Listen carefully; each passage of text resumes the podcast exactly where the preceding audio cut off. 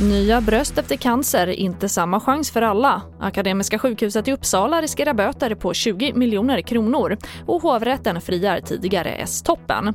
Ja, först i TV4-nyheterna att förlora sina bröst till följd av cancer är något som årligen drabbar tusentals kvinnor i Sverige. Men information om möjligheten att få brösten återskapade, en så kallad direktrekonstruktion, varierar stort beroende på var i landet kvinnan bor. Det visar en ny rapport av Bröstcancerförbundet. Här hör vi Susanne Geiroff Hej, ordförande på Bröstcancerförbundet. Det här är inte vad vi eftersträvar i Sverige med jämlik vård. Utan eh, kvinnan måste få vara välinformerad om vad det finns för rekonstruktionsmöjligheter och att det finns direktrekonstruktion. Eh, och vi vet att en välinformerad kvinna är nöjdare i slutändan. Och i Kalmar är problemet som värst. Här uppger endast 17 procent att de informerats om deras rätt till direktrekonstruktion medan samma siffra i Stockholm var mer än tre gånger högre. Susanne Geroff, hej igen.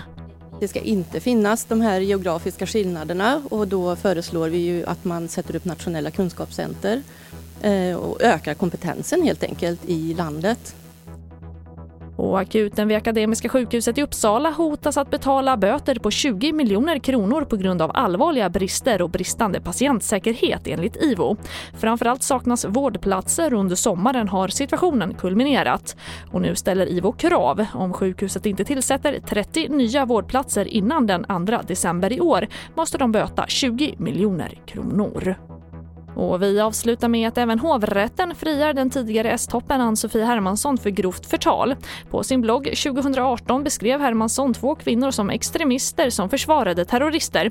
Kvinnorna ansåg sig smutskastade och ansåg att det var grovt förtal och väckte enskilt åtal.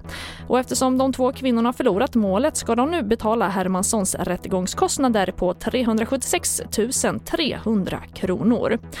Och det får avsluta den här sändningen och fler nyheter det hittar du alltid i vår app TV4 Nyheterna. Jag heter Charlotte Hemgren.